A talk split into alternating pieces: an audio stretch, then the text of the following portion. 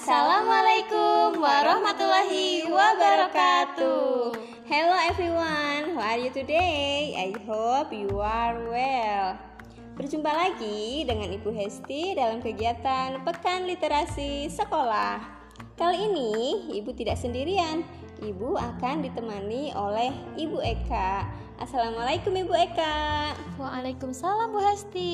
How are you today? Alhamdulillah, I fine, thank you. Nah, kali ini kita mau ngapain nih Bu Eka? Kali ini Bu Eka dan Bu Hesti akan menyampaikan sebuah kisah nih. Kisah tentang kis-kis yang akhirnya jerah. Wah, kis-kis itu apa Bu Eka? Kis-kis itu adalah seekor anak tupai yang sangat lucu. Loh, memangnya kenapa kok kis-kis akhirnya jerah? Kalau mau tahu, simak baik-baik ya kisahnya. Oh ya, sebelumnya cerita ini ditulis oleh siapa Bu Eka? Cerita ini ditulis oleh Kak Rashid Akbar. Yuk langsung saja kita simak kisahnya. Raja dan Ratu Tupai memiliki anak yang sangat lucu bernama Kiskis. Tiga dayang cantik siap merawat Kiskis. Dayang Matar bertugas memandikan Kiskis agar tubuhnya bersih. Dayang Tata bertugas menyiapkan makanan untuk Kiskis. Sedangkan Dayang Saga bertugas mendongeng dan mengajaknya bermain. Suatu hari, Dayang Saga mengajak Kiskis bermain. Mereka bertemu dengan penjual rambutan. Wah, apa itu? Tanya Kiskis. Itu buah rambutan, jawab Dayang Saga.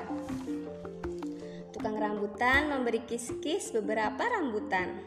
Kemudian Kiskis melihat penjual durian. Penjual durian pun memberikan sebuah durian pada Kiskis.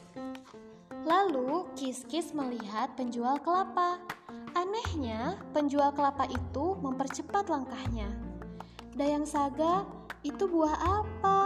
Kenapa dia tidak memberiku buah itu? Tanya Kiskis. Itu buah kelapa, buah yang sangat disukai oleh bangsa tupai, jawab Dayang Saga. Kiskis sedih tak mendapatkan buah kelapa.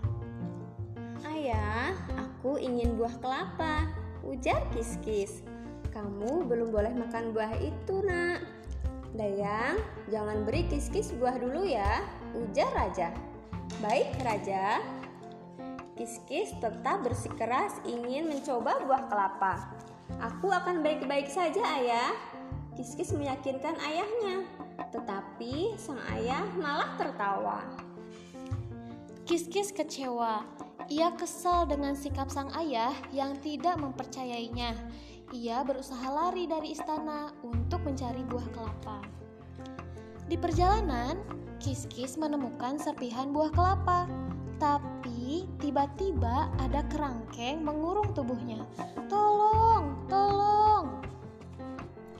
Raja mendengar suara Kiskis. Ia dan pengawalnya mendatangi sumber suara. Ayah, aku menyesal tidak menuruti perkataanmu.